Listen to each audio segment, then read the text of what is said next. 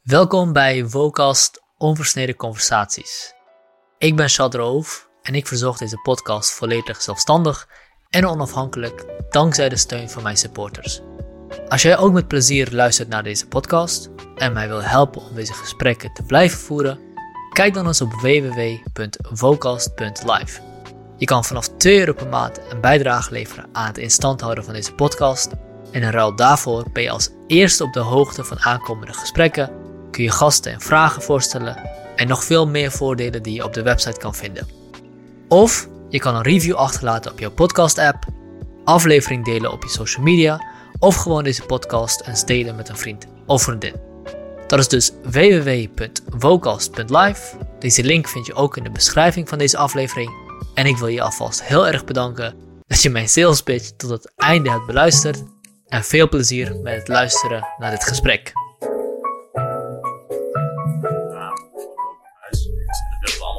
Posten. En toen was er gisteren een of andere prominente VVD'er die dat toevallig heeft gezien, daar een foto van heeft gemaakt, dat gepost heeft. En toen begon iedereen al erop te reageren. Dus we moesten gisteren alles over kop, alles wat we vandaag zouden doen, gisteren doen. Ja. Ja, je kan waarom niet plannen, hè? Uh, nee, inderdaad. En uh, nou ja, het was ook niet, het was gewoon een leuk campagne-item. En dat zo'n ding zou worden, is natuurlijk wel. Uh, is natuurlijk wel Maar had cool. hij dat, dat had hij, op, dat had hij gewoon zelf gedaan, toch? Ja, dus hij, was- hij is zelf geen politicus, of wel? Nee, hij, Nee. eh, hij is gewoon, eh, eh, hij heeft een bedrijfje in eh, container, eh, de container business. Maar dat was echt wel, was wel echt cool, want hij had dus die poster laten maken en eh, eh, ja, gewoon houd mijn vrouw in Brussel heeft hij opgehangen, daar heeft hij een filmpje van gemaakt met zo'n timelapse dat hij daar aan, dat, aan die gevel bezig Ja, is, ja. weet je, het is niet meer dan dat. Ja. En, ehm, en dan zeg maar een soort van eh, dingetje eromheen van, ja, ik hou heel veel van mijn vrouw, natuurlijk heb ik graag bij me, maar ze doet belangrijke dingen voor Nederland en eh, Ja. ik gun het haar van harte, ik gun het Nederland en ik gun het vooral ook haar van harte. Dat is gewoon super, super authentiek en eerlijk. Ja, het is gewoon super lief. Ehm, is gewoon- ja, je, kan, je kan dit bijna niet niet leuk vinden. ja, ja, ja. En eh, nou ja, dus gisteren werd het werd ook geretweet door de VVD landelijk en zo. Dus het was echt zeg maar massive. Ja, vet. Ja, ik had ook, ik ook voorbij zien komen op Twitter. Ja. Maar goed, kom niet voor Jasper of Carolien? Nee, Of, eh, we gaan beginnen. Oh, voor Nijmegen VVD en voor Nijmegen. Eh, Maarten, jij bent... het is eigenlijk wel leuk hoe wij elkaar hebben leren kennen, want we hadden een, ook een discussie op Twitter over pakketjes en dergelijke. Ja, klopt ja. ja, maar daar, daar- dat, is, dat is een ander verhaal, denk ik. Ehm, vertel kort, kort wat je doet in Nijmegen, wie je bent. En, eh, en misschien ook wat leuks over de Wolf van Nijmegen. Ah, ja, nou, ik ben Maarten Bakker, 30 jaar. Eh trots eh, eh, compagnon van de Wolf van Nijmegen. Ligt hier naast ons, dat is mijn hond. Vijf maanden oude wolfshond. En, of wolfhond moet ik zeggen. Ik zit in de gemeenteraad van Nijmegen voor de VVD. En ja, dat doe ik met veel, veel plezier. En ja, dat is hem denk ik, of niet? En je bent dus raadslid in de Nijmegen, Ja, toch? ja, gemeenteraadslid. Ah, kun je een beetje uitleggen hoe zo'n gemeente in elkaar zit? Want je hebt een burgemeester, je hebt raadsleden, je hebt fracties, verschillende partijen. Eh, ik moet eerlijk gezegd ze- zeggen dat ik eigenlijk geen idee heb hoe dat allemaal in elkaar op, eh, opgebouwd is. Oké, ehm, nou, je hebt natuurlijk één burgemeester. eh, dat is bekend, dat is Hubert Bruls.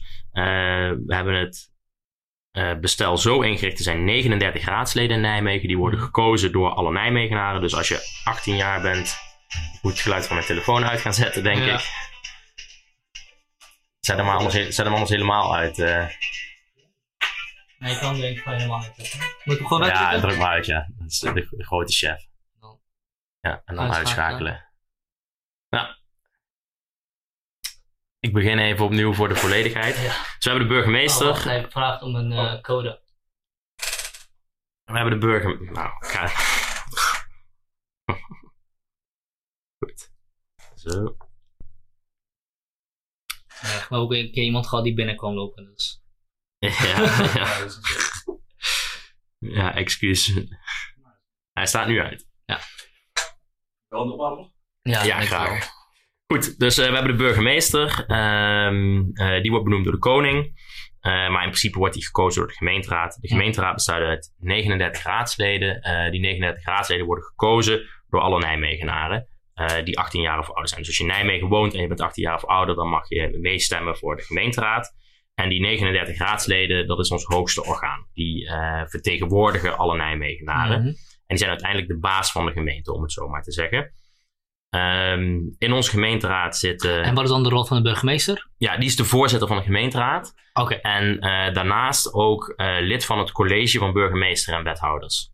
En Mhm. het college van burgemeester en wethouders, dat is een beetje vergelijkbaar met de ministers eigenlijk van, van Nederland, alleen dan voor Nijmegen. Dat zijn degenen die eh, het dagelijks bestuur op zich nemen. Dus je hebt Mhm. allemaal thema's eh, die belangrijk zijn om een stad te besturen. Denk aan, eh, aan het verkeer of aan de, de woningbouw en dat, dat soort dingen. Dat wordt dagelijks uitgevoerd door de wethouders en de burgemeester. Die hebben allemaal hun portefeuilles daarin. Ehm, en als er gestemd wordt, dus als er verkiezingen zijn, gemeenteraadsverkiezingen, dan worden die 39 personen verkozen. Vaak zijn die ehm, opgedeeld in politieke partijen. Mhm. Dus En- altijd? Grondwettelijk gezien niet. Ja. In de praktijk is dat altijd zo. Ah, oké, dat is wel interessant. Dus eh, eh, de eh, grondwet is eigenlijk zo opgebouwd dat je hoofdelijk gekozen wordt. Dus ik ben Mhm. op mijn persoonlijke titel zit ik in de, in de gemeenteraad. Dat, wil, dat zorgt ervoor dat ik nooit door mijn partij gedwongen kan worden om iets te doen. Dus dat ik altijd mijn eigen Mhm. afweging kan maken. Ehm, maar de partijen hebben wel, dat zijn eigenlijk ja, verdeeld in fracties. En die hebben een bepaalde gemeenschappelijke kijk op hoe nou wij de stad, in ons geval dan, moeten inrichten. En ehm, eh, die fracties, dus die politieke partijen, die werken eigenlijk samen. Die, Mhm. die stemmen eigenlijk altijd als een blok. Dus wij zitten met vier zetels in de gemeenteraad. Dus wij stemmen eigenlijk altijd met z'n vieren hetzelfde. Uitzonderingen Ja. daar gelaten. En ehm, er is een coalitie van, de meer, van, van, een, meer- van een meerderheid van de gemeenteraad. Mhm. En die hebben samen een coalitieakkoord gesloten en wethouders gekozen. En dat is zeg maar de, ehm eh, degene die samen hebben besloten: dit gaan we de komende vier jaar doen in onze stad. En wat is dan precies de rol van de wethouders? Dus De wethouders voeren dat uit. Dat die zijn, voeren het uit. Dus de, je kan het een beetje zo zien. ehm, eh, de wethouders zijn de ministers eh, van Nijmegen. En die voeren dus dagelijks uit wat afgesproken is in het coalitieakkoord. En het coalitieakkoord wordt door, de, door een, een, meerderheid van zetels, Mhm. door, van politieke partijen, Ja. Eh, wordt, dat, eh, wordt dat samengesteld voor de komende vier jaar. Ja, oké. En wat is dan jouw rol als ra- raadslid nadat die coalitieakkoord afgesloten is? Waar, waar blijf je dan nog over door? Eh, je, hebt, je hebt eigenlijk ehm, je hebt meerdere rollen. Ehm, en de belangrijkste rol, als eenmaal het, het coalitieakkoord er ligt, is je controlerende rol. Dus eh, Mm. de raadsleden controleren of het college van burgemeester en wethouders hun taken goed uitvoert. Oké, vet. Ehm, en nou, je zegt dus, je, je bent eigenlijk op persoonlijke titel bij je, word je verkozen. Maar over het algemeen zitten mensen wel in een politieke partij. Want dan sta je in principe sterker met mensen die hetzelfde naar de zaken kijken zoals jij dat doet. Of in ieder geval op een bepaalde eh, niveau het- de wereld zien zoals jij. Of een, een soortgelijk idee hebben over hoe we de stad moeten runnen. Ehm jij hebt daar op een gegeven moment voor VVD gekozen. Ehm, of is dat niet zo geweest? Hoe is dat gegaan? Ehm, ik, heb al, ik, ben een hele lange tijd al politiek eh, betrokken. Dus toen ik eh, een jaar of 16, 17 was, ehm, toen heb ik, ben ik lid geworden van de VVD. Eh, toen was ik zeg maar nog niet politiek actief, maar toen heb ik me eigenlijk aangesloten bij de vereniging VVD. En ja, daar is dit uit voortgekomen. Dus ja, ik ben wel al heel lang VVD'er. En wat voor idealen of wat voor ideeën over een staat en een stad en dergelijke vond je in de VVD? Wat je bijvoorbeeld in een andere partij dan niet zag? Eh, Of was het geen bewuste keuze? Nou, het is een heel bewuste keuze geweest, eh, juist. Ehm, eh, ik ben lid geworden van de VVD in de tijd dat er de, de strijd was tussen, tussen Rutte en, en Verdonk. En we hadden het daar op de middelbare school met maatschappijleer over. Ik vond politiek heel interessant. Ik ben me daar toen in gaan verdiepen.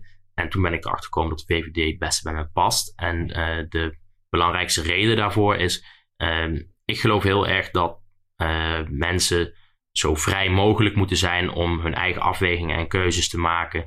En eh, dat echt geluk zich Mm. pas kan, eh, kan etaleren en ontwikkelen op het moment dat eh, je die, die vrijheid en die mogelijkheden hebt. Mhm. En daar past de VVD het beste bij, denk ik. Dus de liberale insteek van de VVD, dat is waar je, Ja. waar je het meest vond. Oké, en eh, waarom hadden, hadden andere partijen dat dan niet? Want wat je zegt klinkt heel redelijk. En eh, ik stem meestal op GroenLinks en dergelijke of Partij van de Arbeid. En ik ben het volledig met je eens. Eh, is het dan zo dat ik, even, om het even persoonlijk te spelen, dat ik het verkeerd zie? Of is er echt een verschil tussen, tussen die dingen? Wat je nu aanzet is wel grappig, want ik vind dus niet eh, dat jij het verkeerd ziet. Ik denk Hmm. dat jij de, de vrijheid hebt om, uh, om jouw eigen maatschappijvisie te hebben en te ontwikkelen. En het grappige is, want dat is een van de redenen, een van mijn, mijn grootste problemen met linkse partijen eigenlijk is altijd dat die wel vinden dat ik het verkeerd zie. en uh, die hebben dus een, een eigenlijk is aan, aan, aan links is inherent verbonden dat, dat er dus een overheid is, of er mensen zijn eigenlijk die in die overheid zitten, want dat zijn volgens mij net zo goed gewoon mensen. Ja. Um, die denken dat, uh, dat zij een, een betere uh, beeld hebben van een samenleving of maatschappij dan dat de mensen in die maatschappij dat zelf hebben. En dat vind ik altijd, mm. uh, dat, dat, daar, heb ik, daar heb ik zeg maar echt, dat is in, bij mijn intrinsieke, ja, daar, dat, dat, dat vind ik echt niet fijn. Dat vind ik niet goed. Ja, ja dus, dus als ik het dan goed begrijp, is het voor jou het idee dat, dat mensen zelf moeten bepalen hoe een maatschappij eruit ziet. Dus als politieke partij moet je uh, op de een of andere manier dat, dat volksbesef, of als ik het zo mag noemen, channelen in je politiek beleid. En linkse partijen zijn daar wat uh, minder goed in. Nee, ik vind dat er, er is geen volksbesef. Er zijn heel veel uh, autonoom werkende en denkende mensen mm -hmm. waarvan ik niet weet wat hun gelukkig maakt. Iedereen heeft zijn eigen geluk, zijn eigen drijfveren, zijn eigen ambities. En het, dat, je kan dat, je, je, niemand kan voor iemand anders nadenken. Mm -hmm. Dus dat moet je zoveel mogelijk voorkomen. En dat vind ik bij de VVD het best wel terecht komen. Ah, oké. Okay. Ja. Um, hoe, hoe doe je dat? Hoe, hoe breng je die twee dingen samen terwijl je wel als politieke partij beleid moet maken? En soms ook beleid moet maken die misschien tegen de, uh, tegen de menigte ingaat. Hoe, hoe, hoe ga je daarmee om? Of hoe zou je dat kunnen doen, laat ik zo zeggen? Je, je hebt natuurlijk je, je, je ideaalbeeld, um, zoals ik dat net beschreef, waarin je dus wil dat mensen zoveel mogelijk in staat worden gesteld om hun eigen ding te doen. Mm. Uh, maar dat wil niet zeggen dat, er, uh, dat, dat iedereen vogelvrij is en dat iedereen maar moet doen waar hij zin in heeft. Mm. En uh, volgens mij heb je als overheid de rol om ervoor te zorgen dat die, uh, dat fundament, die basis om dat eigen geluk zoveel mogelijk te ontwikkelen. En ook een gemene delen waar we wel allemaal iets aan hebben. Bijvoorbeeld mm onderwijs in de ruimste zin van het woord. Uh, dat moet wel collectief geregeld worden. Want ja. um, de een wordt in een, uh, in een gouden kooitje geboren en de ander misschien in een sloppenwijk. Uh, maar beide hebben wel evenveel recht op het zo goed mogelijk ontwikkelen en vinden van hun eigen geluk. Mm -hmm. En daar heb je een overheid voor nodig. Nou, wat je dus doet is op het moment dat er een, um, dat er beleid gemaakt wordt, of dat wij samen het hebben van hoe willen wij ons collectief, in, hoe willen we dat regelen, dan zijn dat dus de maatstaven waar je naar gaat kijken. Zorgen wij op deze manier dat ieder persoon uh, zich zo goed mogelijk, zonder, zo, zonder dat je uh, iets iemand oplegt, ja. uh, kan gaan, dat je kan gaan realiseren dat daar zeg maar, zo goed mogelijke basis ligt voor, om dan vervolgens zelf iedereen in staat te stellen om die stappen te zetten. Ja, dus mensen moeten vrij zijn om zichzelf te kunnen ontwikkelen, maar het kan zo zijn dat iemand in een situatie geboren wordt of terechtkomt waarin die minder die kansen heeft. En de rol van de overheid is ja. om te zorgen dat mensen eigenlijk uh, gelijke toegang hebben tot die kansen. Ja, juist, die, ja, dat zeg je goed. Die startpositie is heel belangrijk. Ja. Um, alleen, dit, uh, dit klinkt voor mij niet iets als een, wat een PvdA of een nou, misschien een SPR misschien wel, ik weet het niet, maar een PvdA uh, tegen zou stemmen. Alleen wat ik denk dat wat zij zouden zeggen is dat, dat, er, dat, de, wat, dat er meer gedaan moet worden dan je in een liberale denkwijze denkt dat er gedaan moet worden. Um, ja, je krijgt dus ja, ik vind het een beetje lastig om voor iemand anders te gaan denken, maar misschien... Je krijgt dat, uh, je ziet het in het verschil, uh, is dat... Ik, ik denk dat mensen veel eerder zelf in staat zijn om hun eigen geluk te vinden en te ontwikkelen, dan dat dat bij de meeste linkse partijen is. Linkse partijen denken dat mensen dat geluk en die ontwikkeling pas op een veel later moment hebben en vinden dat er daarom meer dingen vanuit de overheid geregeld worden. Op een later moment? Nou, ik, ik denk dat... Um, uh, op een later moment bedoel ik mee dat ik denk dat die kracht van mensen heel erg zelf uh, in hunzelf zit. Mm -hmm. En bij linkspartijen zie je dat, dat die eigenlijk die, die kracht minder snel zien. Uh, een goed voorbeeld daarvan is, um, is hoe wij onze bijstand en sollicitatieplicht inregelen. Ik mm -hmm. geloof dat mensen een vangnet nodig hebben op het moment dat zij pech hebben. En bij linkse partijen zie je veel eerder dat ze een vangnet moeten behouden omdat ze zielig zijn. Mm. Dat is een, en dat is, dat is een heel erg verschil in, uh, in de manier van denken en zoiets inkleden. Ja. Uh, als we dat, die voorbeeld eens even concreet maken, wat is dan. Uh, jouw idee van hoe een bijstand in elkaar opgebouwd moet worden. Wat zou je dan zeggen? Dus ehm, is het dan dat je bedoelt, als mensen een probleem hebben en geen geld meer kunnen verdienen, om wat voor reden dan ook, dan moeten ze die bijstand hebben. Maar ze moeten gestimuleerd worden om zo snel mogelijk zelfstandig te kunnen worden. En een linkse partij, of een linkse denker in ieder geval, zoals je hem beschrijft, uh, zou zeggen: uh, laat ze maar erin blijven zolang ze het nodig hebben. Ik begrijp niet helemaal hoe je hem nou stelt. Ja, ik ben er zo aan het denken. Want je zegt, kijk, zeg aan de ene kant, uh, jij vindt dat bijstand nodig is als vangnet. En aan de andere kant, uh, de, de positie waar je hem tegenover stelt, zegt dat bijstand is nodig als mensen zielig zijn. Ja, of zichzelf zielig vinden, of whatever. ik geloof niet dat jij um, echt gelukkig wordt. En ik geloof uh, ik wacht, nee, we pellen hem zo af. Op het moment dat jij, um, om wat voor reden dan ook, niet voor jouzelf kan zorgen, mm. hebben wij met z'n allen in onze beschaafde maatschappij uh, de taak en de plicht en ook denk ik de, de moraal om dat samen op te pakken. Ik denk dat iedereen het daarover eens is. Dus mm. daar is niet discussiepunt over. Op het moment dat je nastreeft om mensen uh, in hun kracht zeg maar, te zetten, zo gelukkig mogelijk te maken, dan is die plek, als je daarin zit, is altijd een tijdelijke plek. Want dat is niet de plek waar jij je eigen maximale geluk vindt. Ja. Sterker nog, um, op dat moment uh, maak je gebruik van wat andere mensen aan geluk willen inboeten. Dus aan, in dit geval, finan gewoon, gewoon financieel geld uh, zeg maar geld moeten afstaan. Omdat wij vinden dat iemand die op zo'n plek komt geholpen moet worden om uit die plek te komen. Dus uh, je, je, je neemt iets van iemand anders die dat ook graag geeft omwille van jou om weer terug te komen, te kunnen ontwikkelen naar een plek waar je wel gelukkig wordt. Op het moment dat jij die plek inricht op een manier waarop jij, um, waarop, waarop jij dus daar wel gelukkig bent, hmm. dan doe je dus eigenlijk iets verkeerd. Want uh, dan vraag jij dus iemand anders in te teren op zijn geluk, omwille van jouw geluk, zonder dat, dat je zelf bijdraagt aan wel die collectieve voorziening die daar bestaat. Hmm. Uh, dus op het moment dat jij een bijstand zo inricht dat die, um, dat die niet meer prikkelt tot het bij gaan dragen aan het vinden van je eigen geluk op jouw manier, heb je, vind ik, te veel van, uh, van, van de mensen die dus bijdragen aan die collectieve voorziening afgenomen. Ja, vind ik heel mooi hoe je stelt. Uh, als je bijstand zo instelt dat mensen daar eigenlijk gelukkig zijn, dan heb je het eigenlijk op een slechte manier ingesteld. Want mensen zijn dus comfortabel op een plek waar andere mensen van moeten inleveren. Juist. Ja. En dan doe je dus het geluk van iemand anders tekort omwille van het geluk wat jij op een andere manier ook zou kunnen bereiken of zou kunnen winnen. Misschien nog wel zelfs gelukkiger, gelukkiger zou kunnen worden. Ja.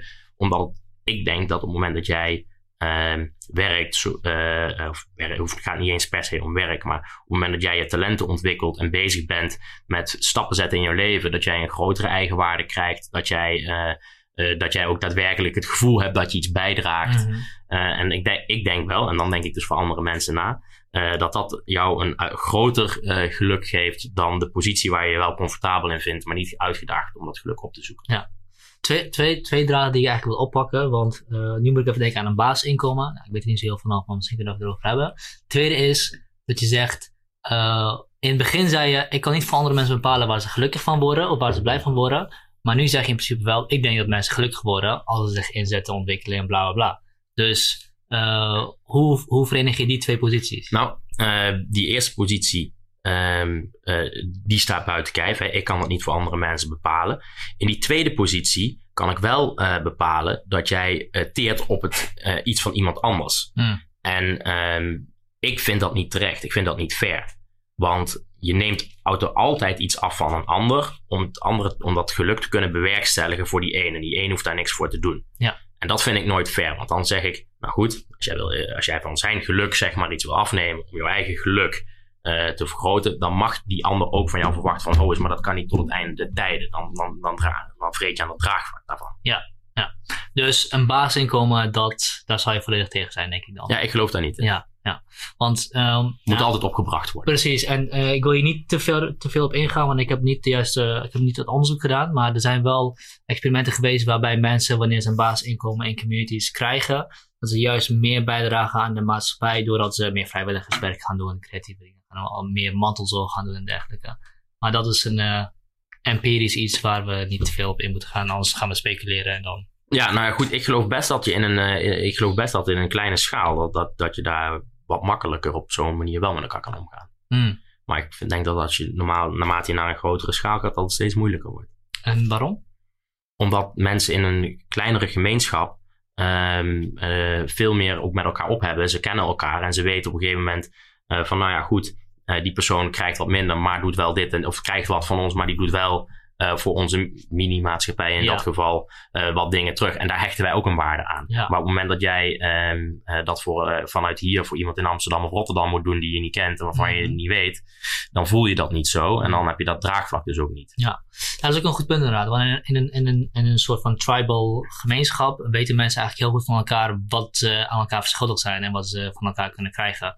En daarin zou je inderdaad kunnen zeggen, dan, dan werkt het wel heel goed. Ja. Maar in een gemeenschap waar mensen niet meer van elkaar weten wie, wie wat schuldig is, omdat ja, bij een gemeente van 20 miljoen mensen gaat het gewoon niet, dan zal het misschien niet kunnen werken. Dat is interessant om, uh, om eens te gaan onderzoeken, of om eens te gaan, te gaan kijken of die experimenten daarmee rekening gehouden hebben. Totaal anders. Um, ik denk dat je al heel veel gezegd hebt, maar waarom, waarom vind je het belangrijk om de politiek in te gaan?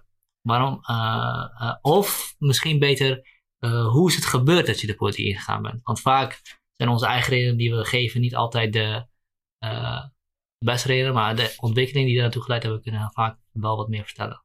Ja, nou, ik, ik, de ontwikkeling, uh, die, die is, die is nou, ik begin met de reden. En dan kom ik daarna ja. met de ontwikkeling, want ja. dan kun je daarna toetsen of dat klopt. um, maar mijn, mijn allergrootste ergernis, die heb ik net eigenlijk al, um, al een beetje aangestipt, is, is, als mensen voor mensen nadenken. Mm -hmm. uh, we krijgen echt heel erg veel jeuk van. Dus iemand voor mij gaat bepalen wat goed voor mij is.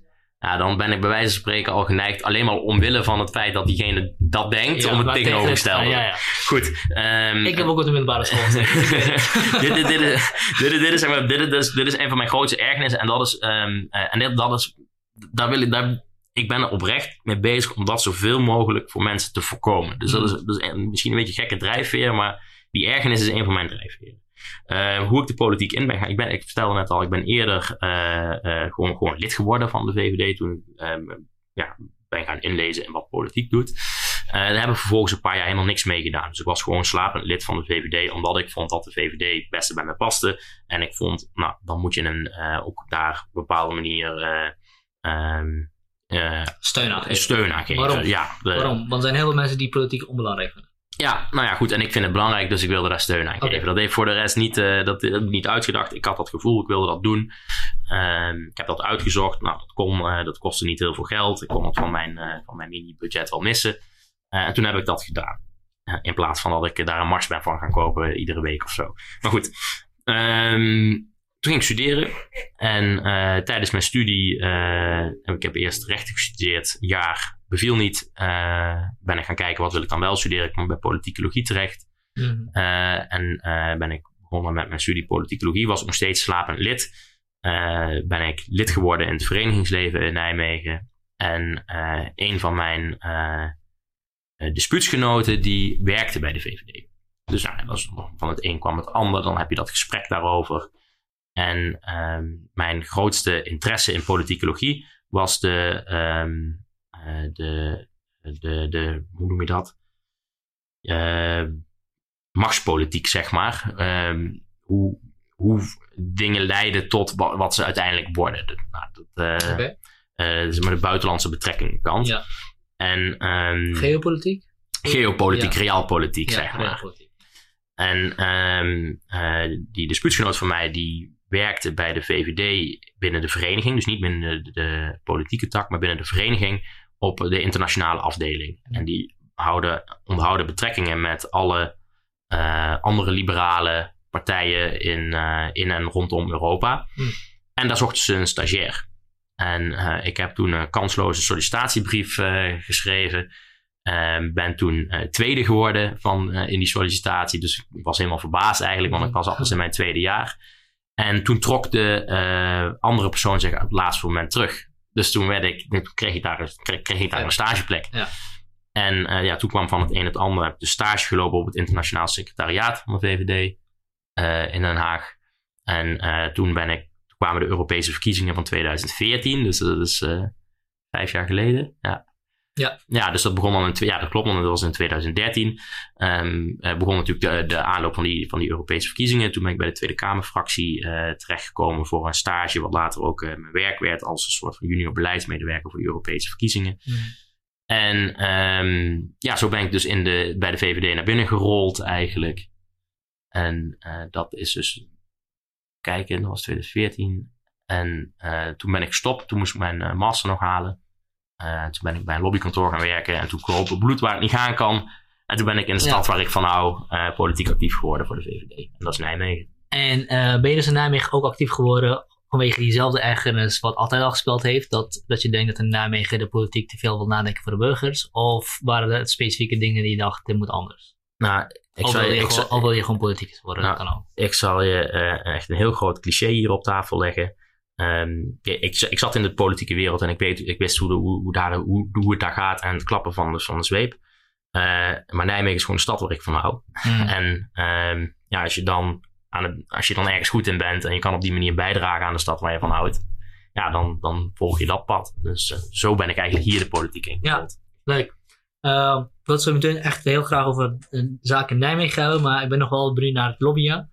Uh, want wat ik net al zei was van uh, de, het idee wat we meestal van lobbyisten hebben is een of andere uh, nou, we kennen, verhaal, we House of Cards, we kennen de, de, Shell lobby, we kennen de vleeslobby, we kennen de, de, de, de manipulatoren of whatever, die mythe kennen we. Maar waarom is een lobby nodig? Waarom bestaat het eigenlijk? En waarom is het belangrijk? Um, je, je, kan heel erg een definitiekwestie loslaten op, op lobbyen. Uh, ik zie lobbyen als um, um, iedereen, uh, of nou een mens of een organisatie is, die iets, iets vindt of voelt en dat um, in beleid uiteindelijk wil vatten of uh, wil veranderen, die is bezig met lobbyen. Dus dat hmm. is van, van de buurt die een speeltuintje wil en een gemeenteraadslid belt van hey, wij willen in deze buurt een speeltuintje. Dat is in principe al lobbyen. en als je dan tegelijkertijd tegenover in die buurt tegenover die, uh, die rijtjeshuizen met, uh, met mensen met kinderen die het speeltuintje willen, een flat met bejaarden hebt staan en die bellen op van ja, maar ho eens, wij uh, krijgen dan al de geluidsoverlast van die krijzende kinderen de hele dag. die, gaan, die gaan daar tegenin, mm. zeg maar. Die gaan dan ook dat gemeenteraadslid bellen van ja, ho eens, wij willen dat gelu die geluidsoverlast niet. Die zijn dan ook aan het lobbyen. En wat je dan uiteindelijk hebt, is de, dat gemeenteraadslid, die dus allebei die partijen hoort, ehm, die wordt dus belobbyd door twee partijen. Uh, die gaat dan uiteindelijk een belangenafweging maken. Maar die had uh, nooit die volledige informatiepositie gehad die die heeft. Mm. Als hij niet belobbyd zou zijn. Ja. Dus eh, lobbyen is eigenlijk het voorzien uh, van informatie aan mensen die beslissingen maken. In, in politiek of in beleid. Ja, dus uh, iemand die een beslissing moet maken, die heeft informatie nodig, die heeft kennis nodig, die moet weten hoe het in elkaar zit. En lobby, lobbyisten zijn degene die die informatie providen. Ja, inderdaad. En um, Lobbyisten doen dat op heel veel verschillende manieren. Uh, want je gaat natuurlijk niet alleen naar beslissingsbevoegde persoon, uh, maar misschien ook naar degene die de beslissingsbevoegde persoon adviseert. Mm -hmm. uh, bijvoorbeeld als een wethouder belobbyd wordt, is het ook handig om de ambtenaar die advies geeft aan de wethouder, om die ook te belobbyen. Of om de publieke opinie op een bepaalde manier te beïnvloeden door een stuk in de krant te krijgen. Ja. Nou ja, net. Ja. Het is maar net afhankelijk van wat je precies wil en wie daarin belangrijk zijn. Precies. Uh, het beeld wat ik van lobby heb trouwens is uh, op zijn best is het, is het een uh, manier om de personen die beslissingen moeten maken de informatie te geven die ze nodig hebben om zo goed mogelijk die besluit te nemen. Dus zij moeten dan die verschillende kanten afwegen. En op zijn slechtst is het het manipuleren van mensen die beslissingen moeten maken met de informatie die voor jouw groep of voor jouw tribe het beste is. Um, dus hoe is, zijn die, is dat negatief, is die negatieve smaak wat, wat, lobby, wat lobbyen heeft in, in volks, volksmond, is dat terecht of, of juist niet? Of... Nou, ik denk, uh, het is een beetje als met voetbalsupporters. Uh, er zijn er een paar die uh, af en toe wel vervelende dingen doen en daarom zijn alle voetbalsupporters hooligans. Mm. ik geloof best dat dat ook bij, in de lobbywereld gebeurt. Ik denk dat je naïef bent als je, als je dat niet denkt. Maar het is dus juist aan die beslissingsbevoegde personen om dat ook heel goed in de gaten te hebben en daar scherp op te zijn. Kijk, op het moment dat ik um, benaderd word en uh, iemand wil gelijk met mij uit eten, uh, kom me ophalen in een Ferrari En eh, geef me ook nog een fles champagne van uh, 250 euro Klinkt na. goed, wat wil je denken? Ja, snap je, maar dan, dan, weet, dan, weet, dan weet je dat niet in de haak is. Want dan is iemand jou, ehm, dan probeert iemand jou om te kopen, bij wijze Ja. van spreken. Ja, dus zo mag je dan niet gelijk zeggen, maar eh, ja, ik- dan, dan, dan voel je dat aan, dat is niet goed. Hè? Dat, ik bedoel, ja, het- ja, maar het is maar, eh, ik kom je alleen maar ophalen. Wat is er nou aan de hand? Ja, nou ja, Ja, goed. ja. eh, dan laat je je vetteren, dat is niet goed. Eh, maar in principe als ja, in 99% van de gevallen, eh, je krijgt je mailtjes, telefoontjes, belletjes, drink je Mhm. koffie met mensen die gewoon ideeën of een gevoel hebben. En ja, tuurlijk belichten die altijd hun kant van het verhaal, maar het is dan ook aan jou om de andere kant van het verhaal op te zoeken. Ja, ja. Dus het is aan degene die de beslissingen maken, die hebben de ver- verantwoordelijkheid om te zorgen dat ze de juiste informatie ook krijgen. In principe. Is dat, Ja, dat wel Ja, dat is wel, ik vind dat bij je vak hoort. Ja. En, ehm, nou, je hoort ook, maar je hoort ook, je krant, eh, krantberichten en nieuwsberichten van nou, de, de, de eh, fossiele brandstoffenlobby of de Shell lobby, die houden bepaald beleid tegen en dergelijke. Is dat dan gewoon rare journalistiek of zit daar wat achter? Of weet je dat niet? Dat kan natuurlijk ook. Eh, ja, eh, ik moet altijd zeggen dat eh, journalisten, of in ieder geval kranten, die moeten ook verkopen. Hè? Dus die, Mm. ehm, die, die zetten ook vaak dingen wel wat scherper, scherper neer dan dat ze zijn. Ik weet niet of de conclusies die. Journalistiek is heel, heel belangrijk, begrijp me niet verkeerd. Eh, maar de, de, ik denk niet dat de Shell-lobby, bij wijze van spreken, beleid tegenhoudt. Ik geloof wel dat de Shell-lobby een hele sterke lobby is, omdat er bijvoorbeeld heel veel arbeidsplaatsen aan verbonden zijn, omdat ze ook in de innovatieve, innovatieve kant heel veel doet. Dus je krijgt eigenlijk een heel complexe puzzel, eh, waarin de ene positie sterker is dan de andere positie.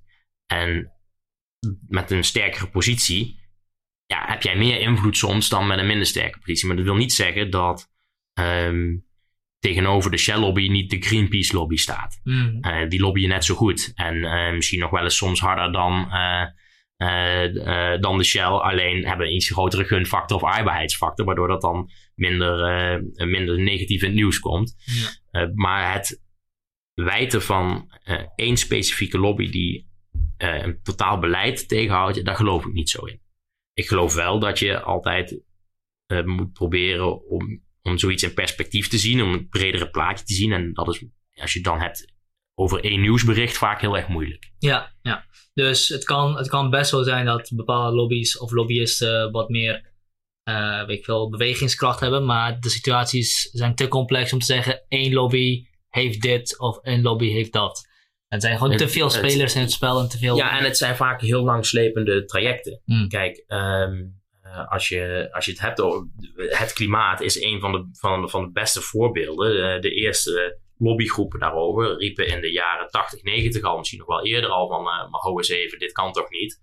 Ehm, en toen, werd, ja, toen was dat helemaal geen issue, werd er helemaal niet naar omgekeken. Terwijl nu ja, de fossiele brandstoflobby eigenlijk, zeg maar, ja, dat, ja, die bestaat in principe niet meer. Want Hmm. zelfs Shell zegt van ja, we zijn bezig met duurzaam worden. En in hoeverre ze dat dan weer doen, is dan natuurlijk weer de vervolgvraag die interessant is. Maar eh, ja, volgens mij is zo'n zo'n lobby van 40 jaar, ja, ja weet je, dat, dat kun je niet in één krantartikeltje vatten. Dus Ja. op het moment dat ergens staat van ja, dit wordt door de lobby tegengehouden, ja, dat, Dan moet je gaan Hmm. afvragen over waarom het zo'n simplistisch. ja, dat bestaat. Dat bestaat. Ja, ja, kijk, mensen willen graag hapbare brokjes informatie. En een krant wil ook een krant verkopen. Dus ik zeg niet dat wat daar staat niet waar is. Ik zeg alleen dat je altijd wel moet realiseren dat je even moet uitzoomen over, als je het hebt over beleidsstukken en over lobbytrajecten. Ja, oké. Sterk verhaal. Ehm, heb je zelf in je persoonlijke leven last van, eh, of persoonlijk leven, sorry, in je werk als eh, raadslid in Nijmegen last van eh, journalistiek die te simpel dingen weergeeft? Of last gehad? Of... Nou ja, ik moet zeggen dat je moet dat, dat hoort bij je werk. Je weet dat dat zo is. Ja, soms, soms denk ik van, joh, dit is wel heel kort door de bocht. Maar van de andere kant heb je ook, dat pakt ook wel eens in je voor, voor, voordeel uit. Ja, dat, dat hoort gewoon bij, bij, bij het werk. Je gaat niet, eh, zeker als, als raadslid in Nijmegen, je krijgt niet een, ehm, een vier pagina's dik achtergrondartikel in Elsevier over eh, de doorstroom op de S100 in Nijmegen. Zo werkt dat nou eenmaal niet. Ja. Ehm, dus wat je doet is je pakt daar ook gewoon de dingen uit die voor eh, mensen die op jou stemmen, of in ieder geval die, die, die politiek volgen, meest tot de verbeelding spreken. Dus als er drie keer op file staat voor, voor de Anacroton, en zeg er staat drie keer file op de Anacroton, en dan begin ik niet over de doorstroom in het bredere perspectief in Nijmegen, want daar gaat niemand opschrijven. Hmm. ja, precies. En um, wat ik ook nog wel benieuwd naar ben is, uh, hoe zit de verhouding tussen de, uh, tussen de lokale partij en uh, de landelijke partij? Ehm, ben jij gewoon, of ben jij, is de VVD in Nijmegen gewoon de lange arm van de nationale VVD? Of zijn het echt twee verschillende partijen? Nou, het zijn echt twee, twee, verschillende zijn twee, echt twee verschillende entiteiten. Je, je zit, um, je hebt natuurlijk wel in grote lijnen hetzelfde gedachtegoed, dezelfde manier waarop je nadenkt en dezelfde um, ideeën van hoe een maatschappij moet functioneren. Mm -hmm. Dus daardoor heb je, vind je vaak hetzelfde over dezelfde dingen. Um, maar het is echt een mythe dat de VVD landelijk bepaalt wat wij doen. Sterker nog, uh, die hebben daar echt geen bal over te zeggen. En hmm. op het moment dat zij daar invloed op proberen uit te oefenen, ja, dan zou, zou ik ook zeggen, wat denk je dan niet? Ja. Dus dat, ja, dat is, gewoon, dat is gewoon niet aan de orde. Maar zijn jullie niet afhankelijk van hen op een of andere manier? Of? Nee. Nee, oké. Okay. Duidelijk. Um, in je dagelijkse werk als raadslid of de dingen die je belangrijk vindt in Nijmegen? Want je hebt een portefeuille, zei je eerder. Wat is jouw portefeuille in Nijmegen? Uh, bereikbaarheid, uh, duurzaamheid en cultuur en cultuurhistorie en zijn is dat, belangrijkste. Is dat een portefeuille die je zelf gekozen hebt? Of? Nee, ja, dat gaat. Uh, ja, ja, je zit dus met, wij zitten met vier raadsleden en drie fractievolgers in fracties, in totaal met zeven man. Wat doet een fractievolger? Een fractievolger is een raadslid, alleen zit niet in de gemeenteraad. Dus jij, um, uh, omdat, omdat Nijmegen zoveel thema's heeft en best wel een grote uh, gemeente is, er is veel om, om, uh, om echt op de voet te volgen. Nou, zeker voor kleinere partijen is het heel moeilijk, omdat kijk, we hebben bijvoorbeeld sommige partijen hebben maar één raadslid. Als je dan als één raadslid alles moet doen, nou, dat is niet te doen. Dus uh, daarvoor hebben we een systeem met fractievolgers. Um, hoe, hoe, groter je partij is, hoe minder fractievolgers je mag aanstellen. Hoe kleiner, hoe kleiner je partij, omdat je dan meer raadsleden hebt. Oh, je dus je wil proberen dat iedereen zo goed mogelijk over alles, zo, uh, over alles kan bijwonen, het woord kan voeren.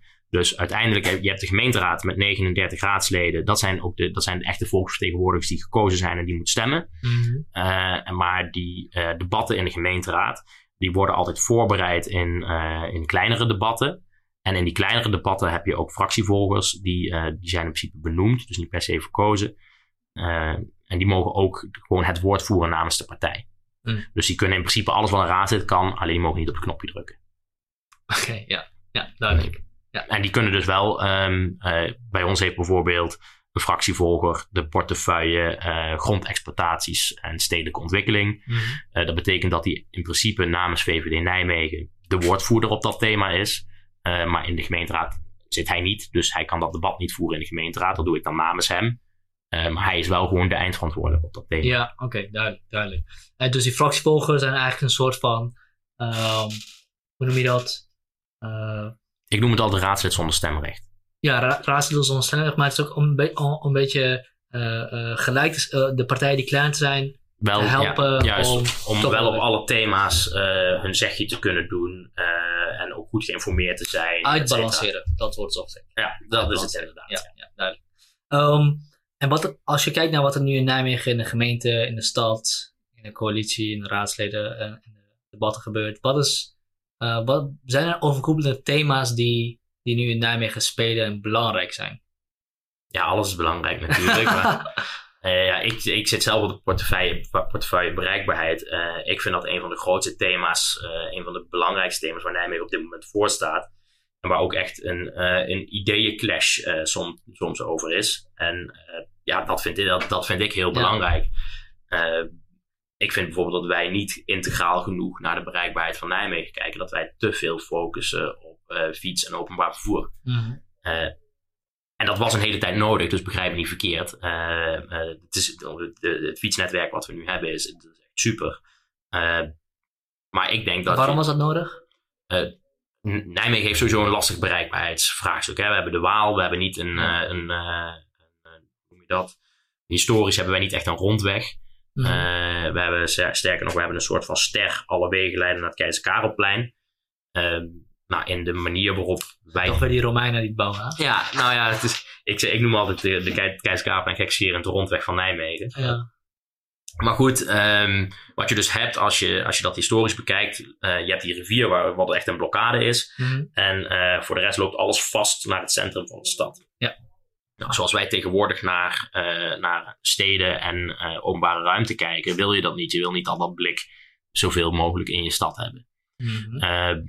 fiets hadden wij in principe nog helemaal, we waren helemaal niet goed toegankelijk voor de fiets. Ja, langs Groesbeekse weg lag een fietspad van een meter. Uh, en langs de Sint-Anna had je de, de parallelwegen, maar de Graafse weg was al een drama. Uh, nou, laat staan de rest. Mm -hmm. nou, en nu hebben we een prachtig uh, fietssnelwegennetwerk. Dat is, dat, Ja. is, dat is gewoon echt heel erg goed. Ehm, maar op het moment dat jij alleen nog maar, want hè, dat hebben we nu, dat staat nu ook naast de, de wegen die we al hadden. nou, de filosofie van met name GroenLinks is: iedereen moet zoveel mogelijk fietsen. dus op het moment dat je dan, zo'n filosofie, op het moment dat je het lastiger maakt voor auto's, gaan mensen zelf de afweging maken, wat ik dus noem nadenken voor andere mensen, Ja. uh, om uh, meer op die fiets te stappen. Ik denk dat mensen, uh, ik denk dat dat deels klopt. Hè? Als je, op het moment dat jij die mogelijkheid hebt om te gaan fietsen, in plaats van dat je hem niet hebt, dan zijn er dus meer mensen geneigd om die fiets te pakken. Mhm. Ik denk dat we dat nu voor een groot deel hebben. Um, maar ik zie ook aan de andere kant dat er dus heel veel file staat in Nijmegen. Uh, we hebben de, de, zogenaamde rondweg S100. Uh, maar die functioneert niet goed. Uh, daar staan veel te veel stoplichten op. je bent constant aan het optrekken. je hebt de, de rondweg is in principe niet rond. nou goed, er zijn, er zijn gewoon echt wel, echt wel wat flinke knelpunten op. Je kan er niet goed genoeg doorrijden. De reistijd over de rondweg is nog steeds uh, minstens net zo lang of langer dan de weg door het centrum. Nou ja, dan Mhm. kies je dus nog steeds dus de Centrum, kortste ja. route. Uh, dat zijn problemen die we volgens mij moeten oppakken.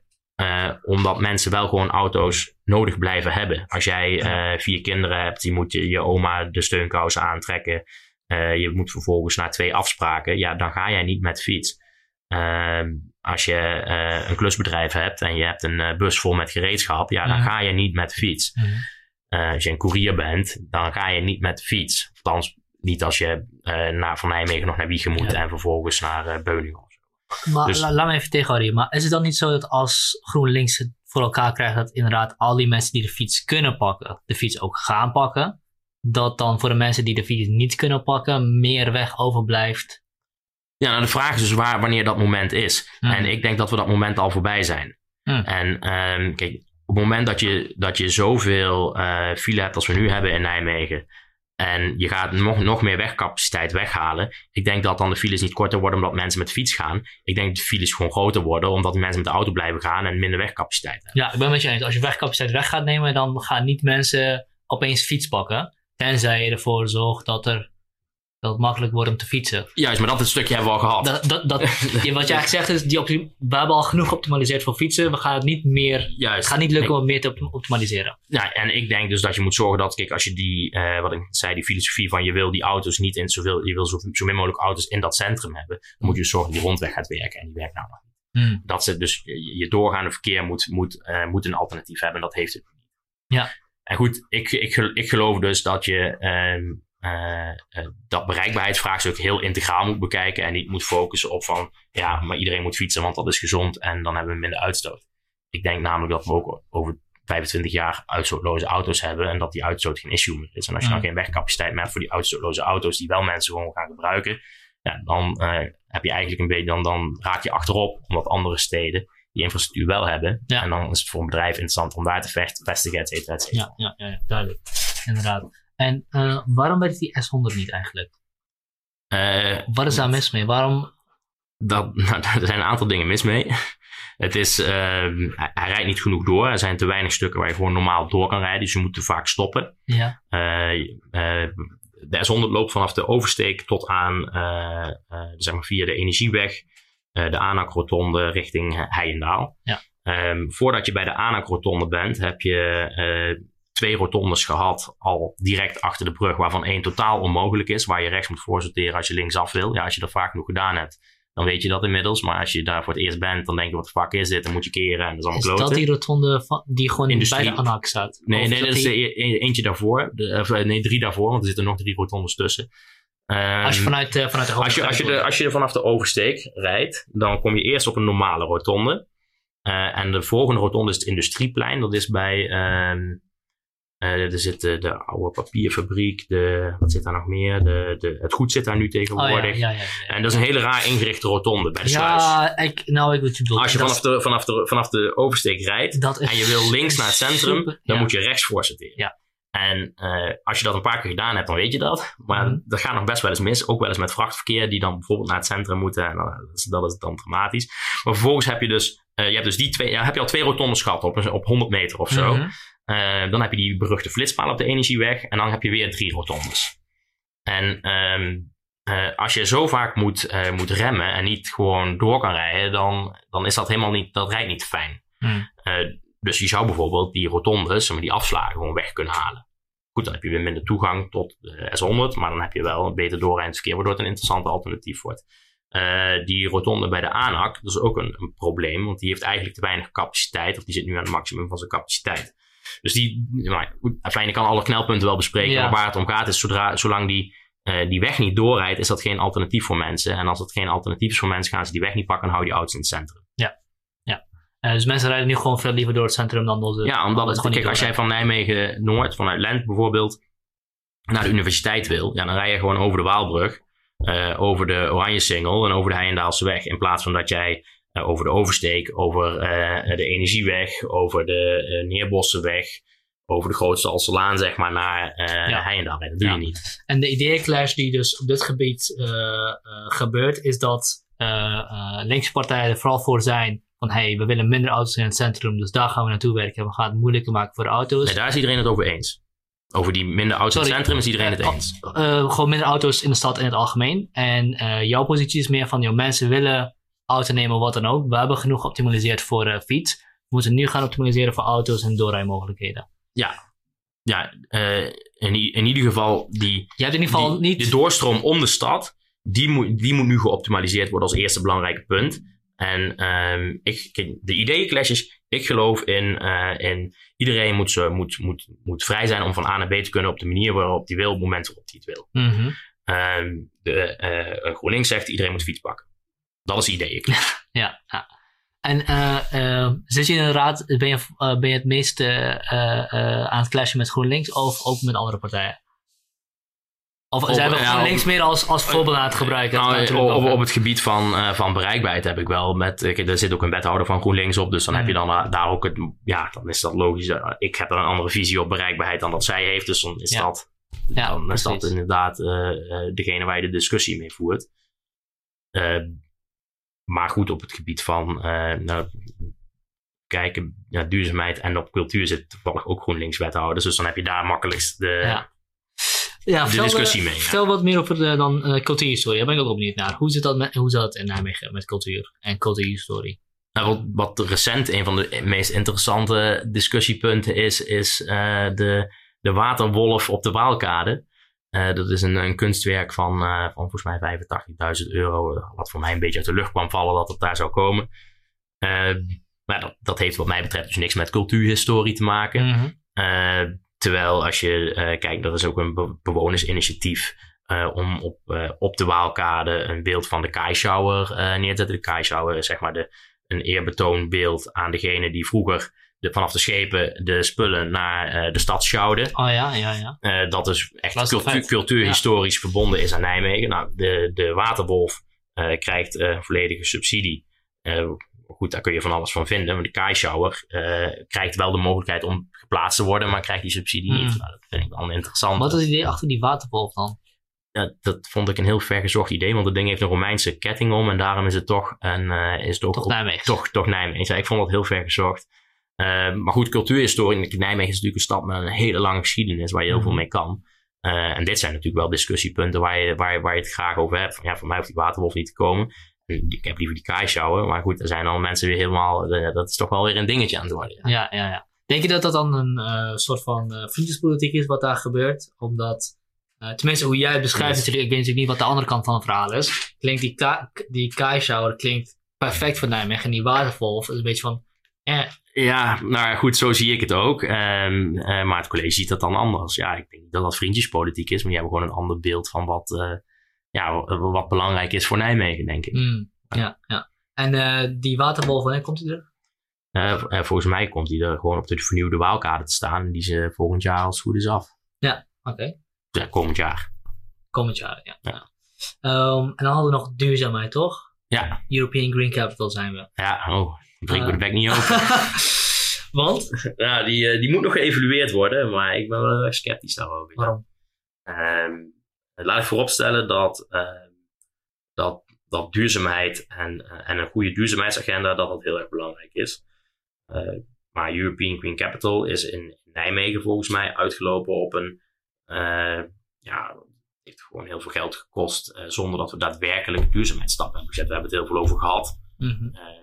Maar we hebben dat... is heel veel gevierd. Ja, we hebben heel veel gevierd. We hebben, heel veel, we hebben, we hebben, ja, we hebben niet echt andere dingen gedaan dan die we anders ook hadden kunnen doen. En het heeft wel miljoenen gekost. Ja. En dat vind ik gewoon geld.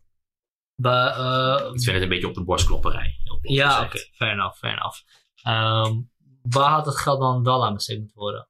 Nou, als je, dat geld, als je dat geld dan had willen besteden, want dat is dan de eerste vraag die je moet stellen. Hè? Okay, ja. Als je dat geld dan had willen besteden, dan had je beter aan daadwerkelijke duurzaamheidsprojecten kunnen besteden. Dan had ik veel liever gehad van nou, uh, steek, steek een miljoen in, uh, in zonnepanelen leggen op al het gemeentelijk vastgoed. Mm. Dat, dat, hebben we namelijk ook nog niet. Of als je kijkt naar het stadhuis, daar staat de, de verwarming altijd op een miljoen graden. Uh, nou, had daar maar eens uh, geïnvesteerd in warmtepompen of zo, weet je wel, in plaats. Want het is gewoon, we hebben gewoon een gasgestoken uh, stadhuis. Ja. ja, weet je, dat, zijn, en dat hoeft niet het geld te kosten wat je nu hebt uitgegeven aan heel veel praten over duurzaamheid. Ja, precies. En met alle respect, als je dan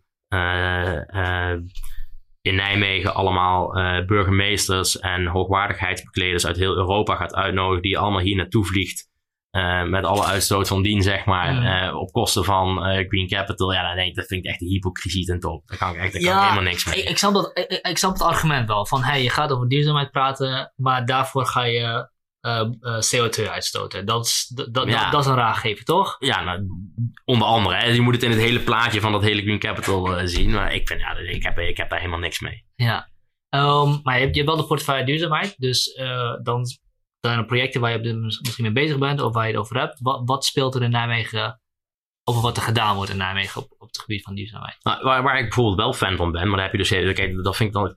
Ik vind, laat ik voorop, dit vind ik altijd een beetje flauw. Hè. Ik ben bijvoorbeeld heel erg groot fan van uh, de operatie Steenbreek. Dat is een, uh, is een landelijke stichting die probeert zoveel mogelijk uh, uit onze versteende stadsomgeving, zeg maar, te vergroenen. De tegels eruit. Dat vind ik echt een fantastisch project. Um, dat project loopt ook al jaren. Uh, wat wij dus bij European Green Capital nou doen, is wij noemen uh, Operatie Steenbreek als een van de European Green Capital projecten. Hmm. Terwijl dat heel, het, is, het is een project wat al liep, wat anders ook gedaan zou worden. Het is wel een fantastisch project. Ja. Um, nou, dat, dat zijn projecten, daar ben ik gewoon echt, dat is gewoon, ben ik gewoon echt voor. Dat is gewoon klimaatadaptief. Uh, het, het haalt de, de temperatuur in de stad naar beneden. Het zorgt ervoor dat regenwater weg kan. Nou, dat, is, het is gewoon een prachtig en project. wordt hier in Nijmegen nu ook uitgevoerd? Ja, wordt hier in Nijmegen waar, uitgevoerd. Ja. Waar wel worden gebouwen? Uh, in principe is daar, de, uh, op het moment dat je wilt deelnemen, kun je een aanvraag doen, dan krijg je een subsidie. Hmm. Dus bijvoorbeeld, een, als jij, als jij met, met de wijk zegt van, goh, we willen eh, in plaats van onze stenen plein, willen we hier een, een mini-parkje maken. Hmm. stenen eruit en wat plantjes en bomen erin. Kun je daarvoor, ik weet niet, voor bepaald percentage denk ik, subsidie aanvragen. Dat Hmm. krijg je dan toegekend vanuit de gemeente. Nou, dat is gewoon, is gewoon een supergoed initiatief. Ja. En wordt er ook gebruik van gemaakt? Ja, er wordt goed gebruik van gemaakt. Loopt heel Oké. goed. Ja, dus, dus, dus het is niet zo dat ik, um, omdat ik European Green Capital stom vind, het duurzaamheidsbeleid van onze stad stom vind. Dat is, Ja. niet, dat is niet aan de orde. Nee. Um, wat, wat is nog meer belangrijk aan duurzaamheid in Nijmegen? Een van de grootste projecten die nu loopt is uh, de uitrol van het warmtenet. Mm. Uh, nou, dat is gewoon, dat is echt een, daar zijn we een soort van koploper, ook met, met de, met de uh, pioniersziektes, zeg maar, die daar dan, uh, dan bij horen van dien. Uh, nou, we hebben in Nijmegen-Noord een, een heel uitgebreid warmtenet nu liggen met een concessie. en daardoor moeten we eigenlijk nog heel veel nieuwbouw aansluiten op, op dat warmtenet. Mm. Omdat we nou eenmaal die afspraak hebben gemaakt jaren geleden. Met de kennis van nu is het heel erg zonde om die warmte voor nieuwbouw te gebruiken. Ja. Uh, want je kan veel efficiënter uh, uh, nieuw bouwen. Dat je, die, dat je niet restwarmte daarvoor nodig hebt. Terwijl restwarmte voor de oude stad, waar dat moeilijker is, wel goed te gebruiken. Nou ja, dat, is gewoon een, dat is gewoon een pioniersziekte waar we mee te dealen hebben. Maar ja, goed, die afspraak hebben we gemaakt. Daardoor hebben we nu wel het warmtenet. Mm. ja, ja, dat, dat, dat moet gewoon verder uitgerold worden, dat warmtenet. Ja. Dus En- dat is gewoon een enorme CO2-besparing. Hoeveel gaat het besparen, denk je? Oh, ik heb die cijfers niet paraat. Nee. Ehm, hoe lang denk je dat het gaat duren voordat Nijmegen volledig die transitie heeft gemaakt?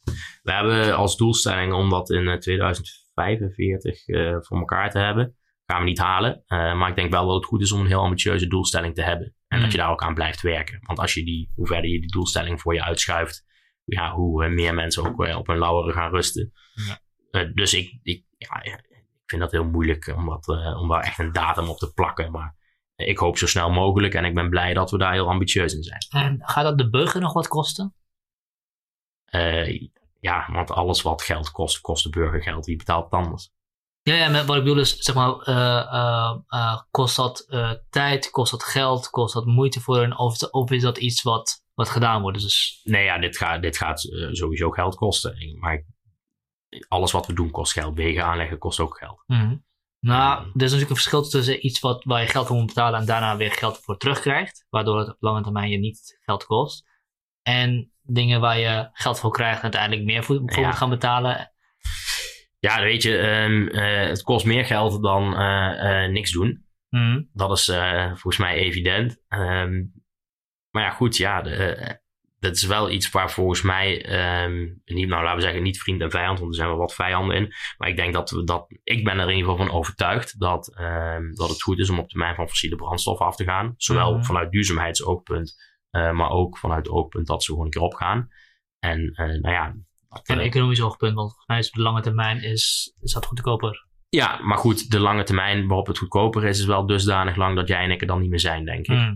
Eh, maar dat, wil niet, dat is geen reden om het niet te doen, denk ik. Dus ja, kijk, waar je wel de, de afweging die je wel weer moet maken, ehm, eh, is volgens mij, ja, we hebben dat warmtenet, daar zijn wij een pionier in. En dat kost dus ook eigenlijk meer geld dan dat het zou hebben gekost als dat we bijvoorbeeld nu pas mee zouden beginnen. Mhm. Ehm, je moet niet altijd die pionier willen zijn, want dan ben je altijd degene die, eh, die de hoogste risico's draagt. En dan krijg je dus ook de meeste klappen. En het lijkt mij niet eh, fair als je in Nijmegen eh, uiteindelijk meer kwijt bent aan het duurzaamheidsvraagstuk waar we met z'n allen mee zitten, dan dat je dat in Arnhem bent. Ja. Dus ik denk wel dat je die eh, pioniersrollen, eh, dat je die moet verdelen. Dat je daar niet altijd haantje de voorste moet zijn. Ehm, maar ik denk dat het, dat, het, dat het echt gewoon van evident belang is dat, zeker nu we zo'n warmtenet hebben, dat we dat doorrollen. Is er een, is er een discussiepunt in de raad? Dat warmtenet? In principe is iedereen het erover eens. er is één partij, het, die is in ieder geval echt tegen. Eh, en er is Met als argument? eh, die geloven niet in, eh, in de restwarmte.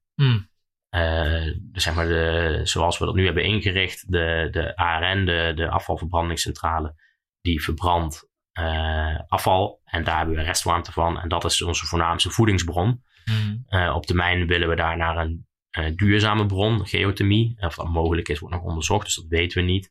Ehm, maar zij zeggen in principe gewoon van ja, restwarmte daar, of warmte, daar geloven we niet in. Eh, we zi- zien liever onderzoek naar waterstof. Ah, Oké, die zijn niet tegen die transitie, maar die zijn meer tegen de.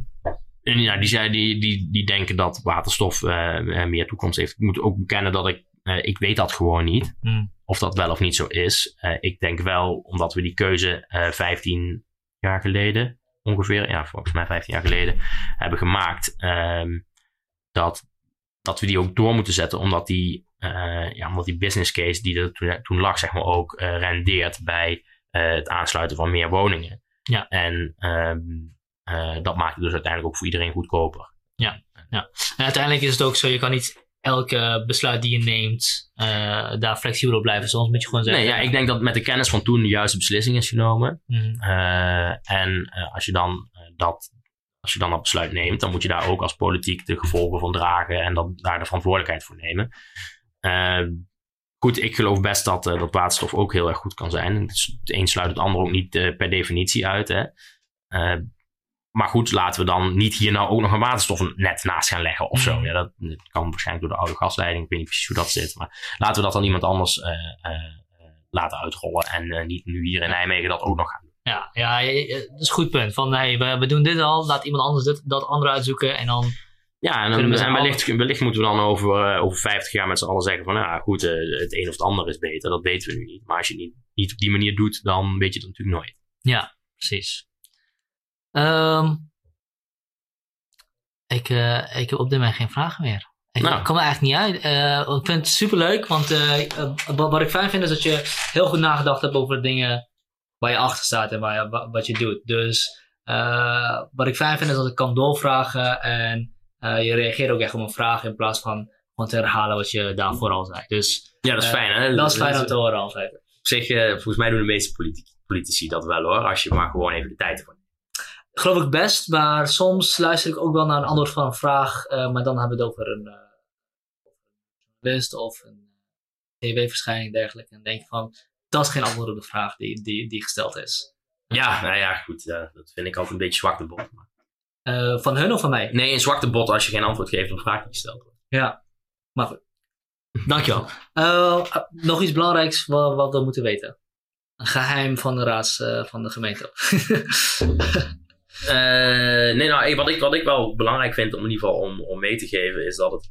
Um, uh, je hebt vaak weinig kans als politicus om ook een genuanceerd beeld uh, neer te leggen. En dat kan in zo'n gesprek zoals dit, uh, kan dat een stuk makkelijker dan wanneer je uh, een quoteje in de krant krijgt, zeg maar. en dat is altijd wel, dat vind ik wel interessant om mee te geven, of in ieder geval goed om mee te geven.